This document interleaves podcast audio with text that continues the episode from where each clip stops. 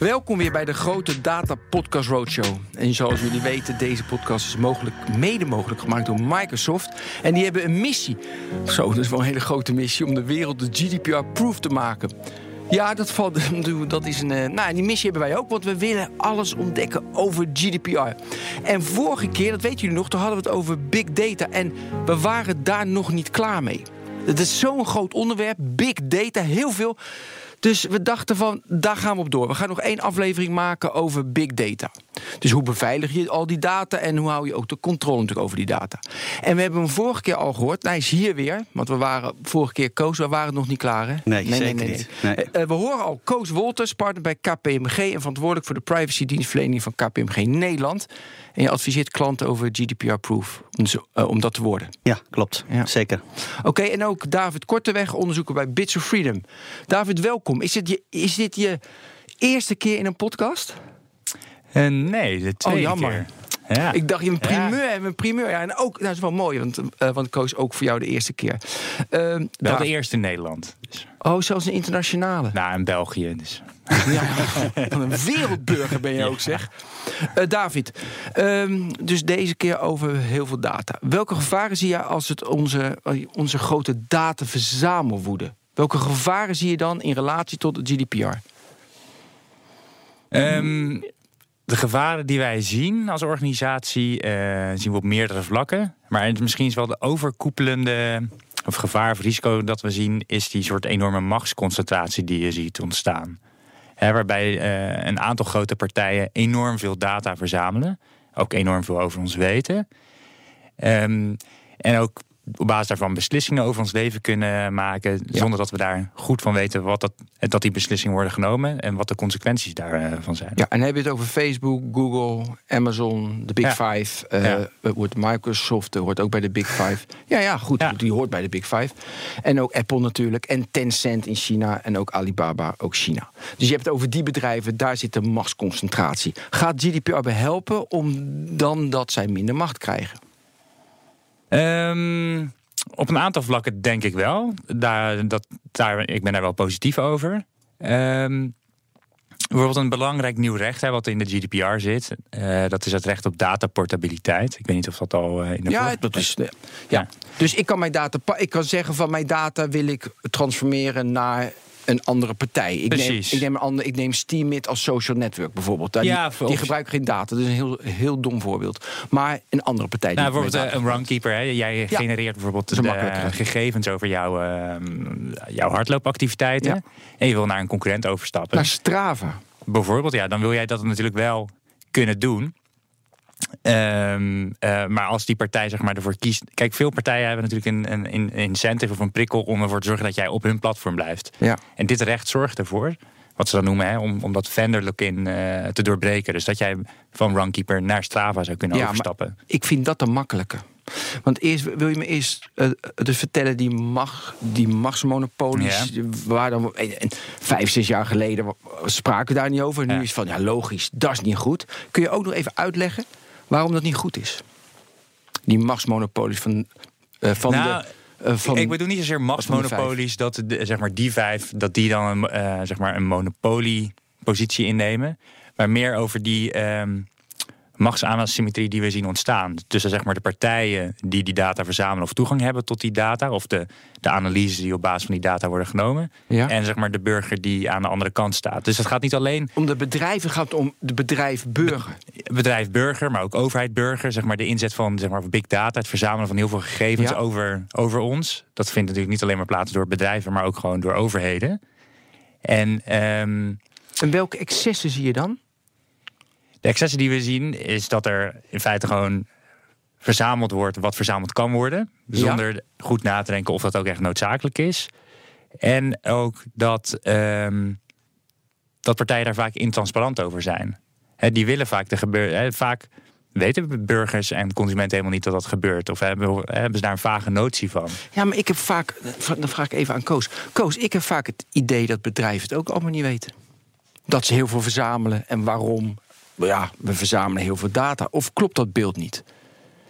Nou, ik, ik denk dat bedrijven uh, wel uh, um, uiteindelijk door de GDPR zeg maar genoodzaakt ja, worden. Ja, dan moeten uiteindelijk dan moet, om maar tot nu toe. daar beter over na te denken. En, en dat, dat, dat daarvoor zeg maar wat minder gebeurde. Dat, uh, dat, dat denk ik zeker wel.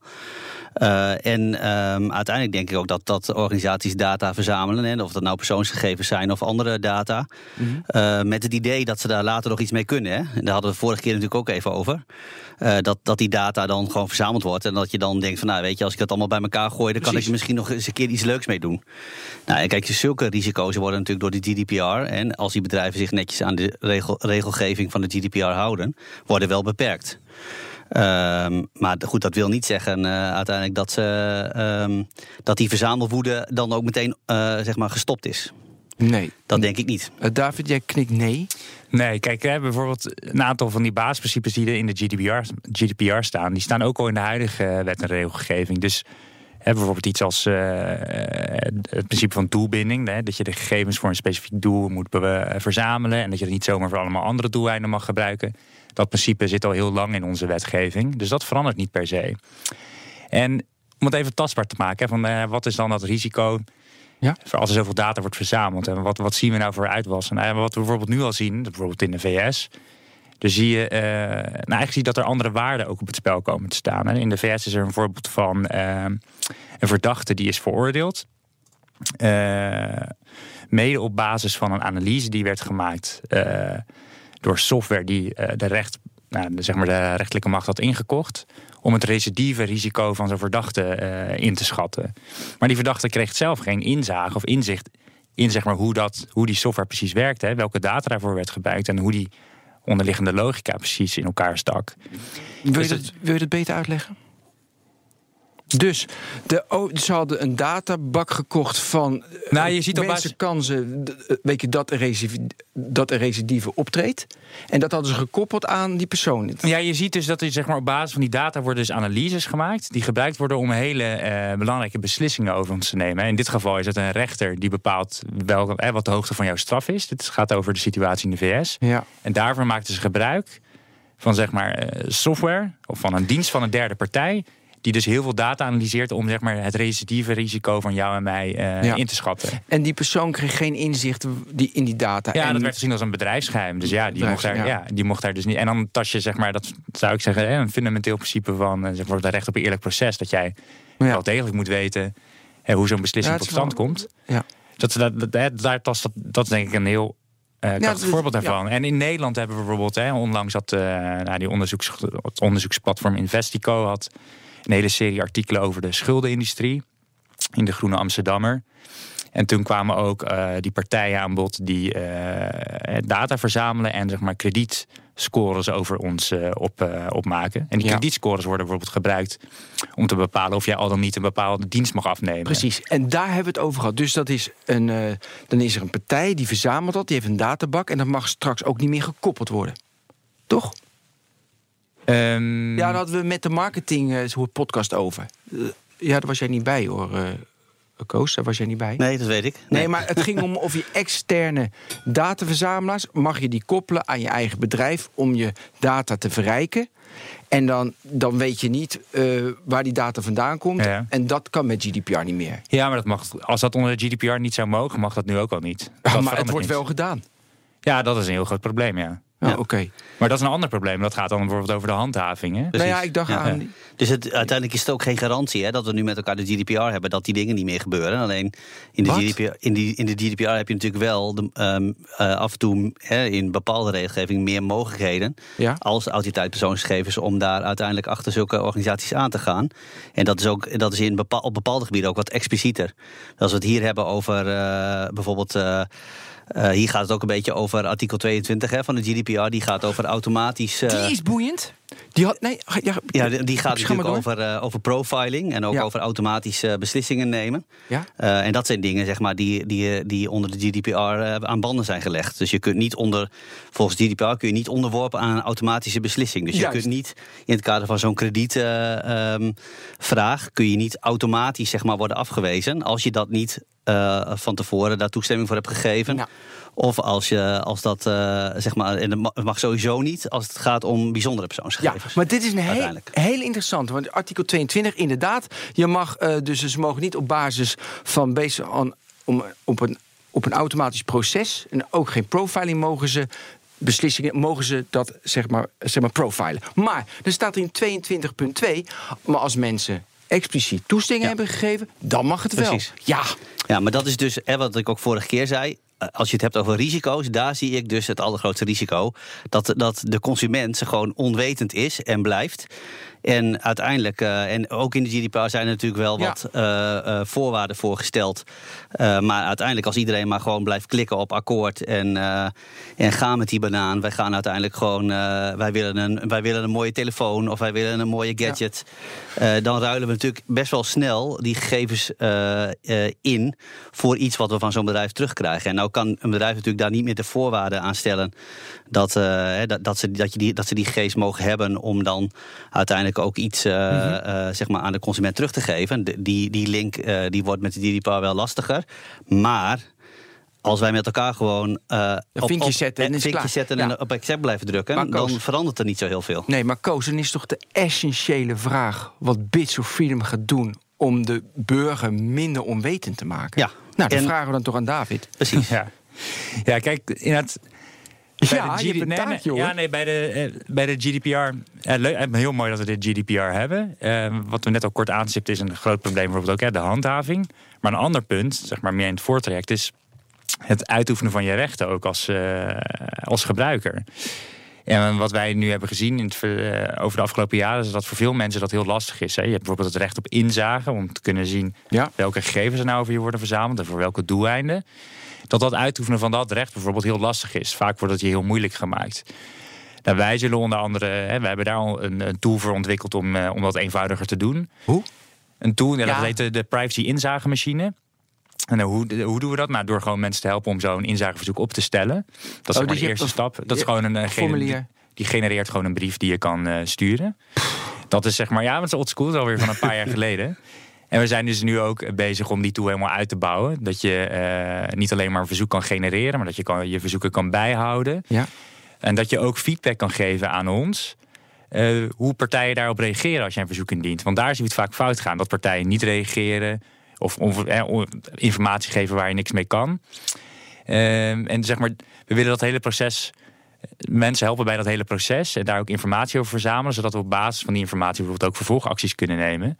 Om bijvoorbeeld naar de toezichthouder te stappen of zelf naar de rechter te stappen. Ja. Om gewoon uh, af te dwingen dat partijen zich gewoon aan die wet gaan houden. Ja, ik hoor heel veel procedurele woorden, weet je wel. En, dat, en ik, ja, ik heb meer van, Koos, ik wil meer van een vinkje of één klik en dan krijg, kan ik een datadump maken. Dan kan ik, weet je, dan kan ik even kijken.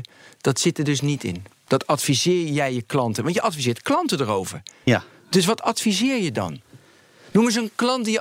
die, die, ja, ik kan natuurlijk geen klanten noemen hier, maar kijk, Maar wel gewoon A-klanten. Het zijn gewoon zeg maar, grote klanten. Ja, grote klanten. En, die, uh, en uiteindelijk, hè, dat ligt dan heel erg aan het profiel van zo'n klant. Maar we nemen dat voorbeeld, we nemen Deltaloid als voorbeeld. En ik wil gewoon weten wat Delta, want die zit hiernaast, dus dan denk ik aan Deltaloid. En ik wil weten wat Deltaloid over mij heeft. Ik heb een verzekering bij Deltaloid. Ja. Wat adviseer je ze dan? Ze hebben data van mij. Ik weet echt geen idee wat. Waardoor ik die data kan inzien. Nou, eh, uiteindelijk hè, eh, is het belangrijk dat Deltaloid in dit geval. Uh, maar goed, ik, uh, ik ken de casus Deltaloid uh, natuurlijk niet. Maar dat Deltaloid zelf. Verzekeringsmaatschappij, want ja, die zo adviseren. Ik ken Deltaloid wel uiteindelijk. En, maar dat, um, dat Deltaloid zelf weet welke data ze van je hebben. Dat, zeg maar, dat, daar begint het bij. Um, en dat ze dan zeg maar, uiteindelijk waar, waar wij Deltaloid en een organisatie dan over zouden adviseren, is hoe zij op, een goeie, op een goede, gedegen manier uiteindelijk jou die data zeg maar, inzichtelijk kunnen maken. Maar die, dat is ja, natuurlijk heel ingewikkeld. Maar het is heel ingewikkeld. Ja, maar je adviseert ze. Zeg dan ja, hoe. Um, maar dat, dat, is echt heel contextueel. Dat is echt heel lastig voor je, voor, om nu te zeggen zeg maar, hoe ze dat moeten doen. Uh, maar, maar uiteindelijk moet dat natuurlijk wel een, uh, een, een um, nou, een makkelijke manier zijn zeg maar, voor consumenten. En ook voor een, een organisatie als Deltaloid ja. om dat te kunnen doen. Dus het is niet zo hè, dat, dat, dat uh, uiteindelijk dat het proces is dat jij een briefje stuurt. En dat iemand dan zeg maar, binnen zo'n organisatie op zoek gaat naar jouw data. Dat, dat, moet, ik bedoel, dat is wel ja, van zo'n omvang. Dat is duur, ja, als ze dat, uh, dat, dat, dat, je dat wel op een geautomatiseerde manier moet gaan doen. Uh, waarbij zeg maar, ja, ze, ze meerdere verzoeken zeg maar, van, van klanten uiteindelijk aan kunnen. Maar, maar het, is niet, het is niet heel simpel zoals jij nu zegt. joh, je, je, drukt, je gaat naar een website en je zegt: Ik wil nu inzien wat je allemaal van me hebt. Maar dat, dat is natuurlijk wel de beste manier uiteindelijk. Als je dat voor elkaar zou kunnen krijgen. Ja, David, heb jij een handige, ook zo'n manier, een handige manier? Of heb jij nog steeds die een brief sturen, daar help je nou, ze mee? En... Nou ja, kijk, dat, ook dat, hè, dat recht op dataportabiliteit, daar, daar wordt ook vereist dat die data zeg maar, eh, in een gestandardiseerde vorm gewoon uh, wordt verstrekt.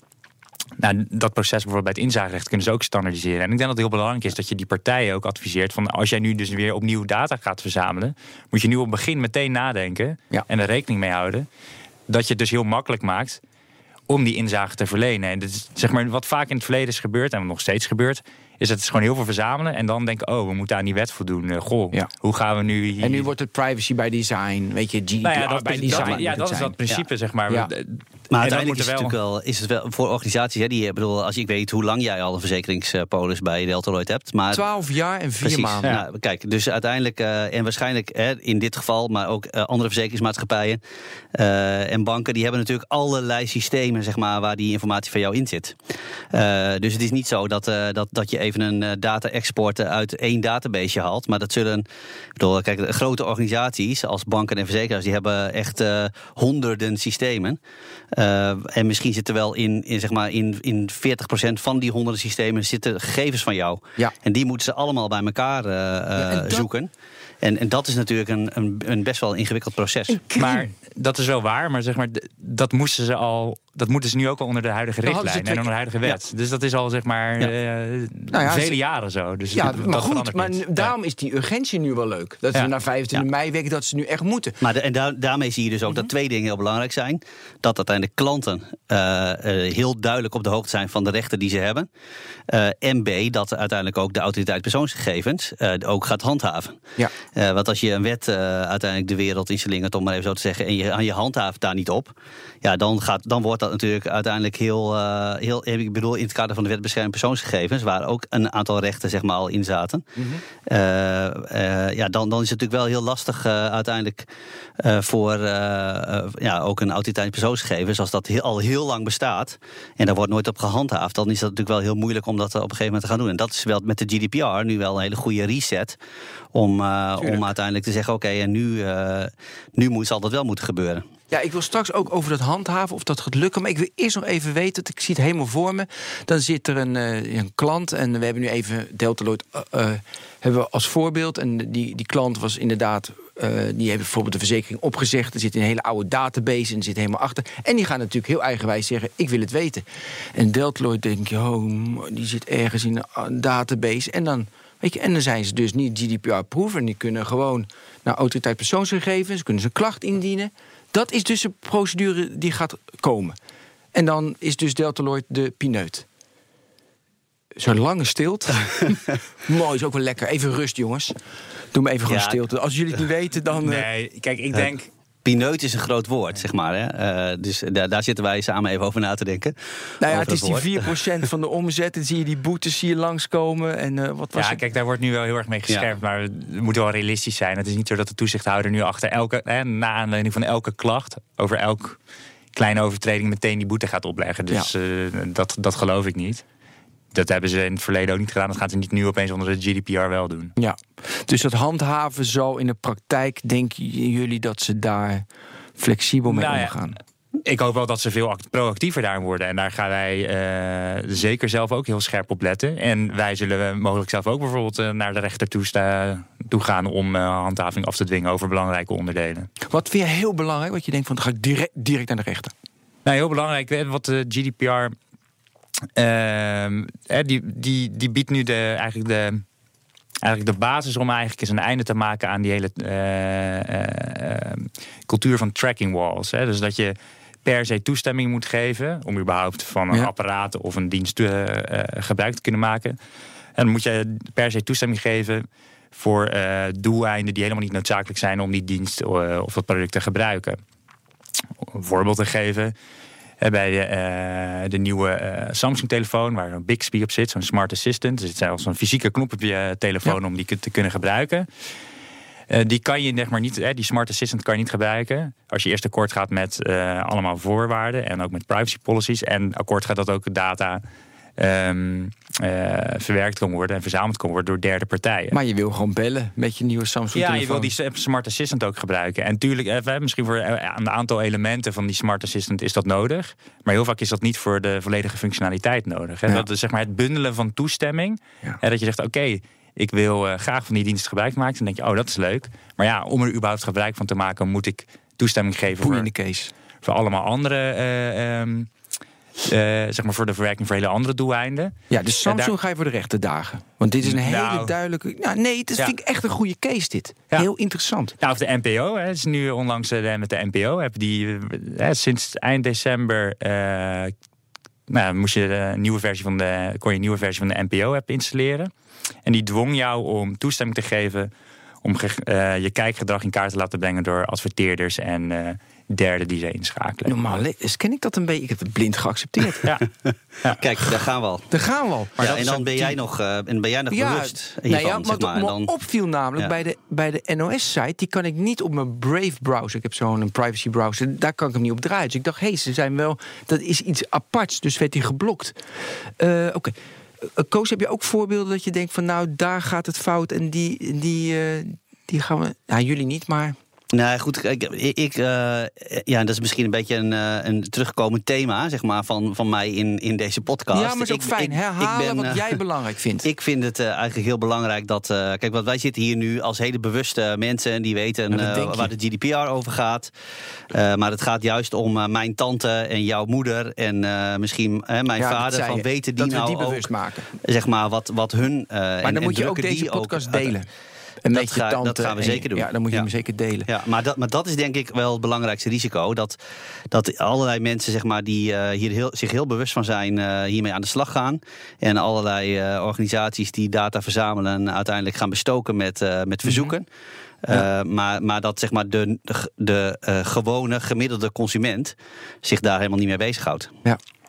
David, heb, jij nog een, heb je nog mooie slotwoorden?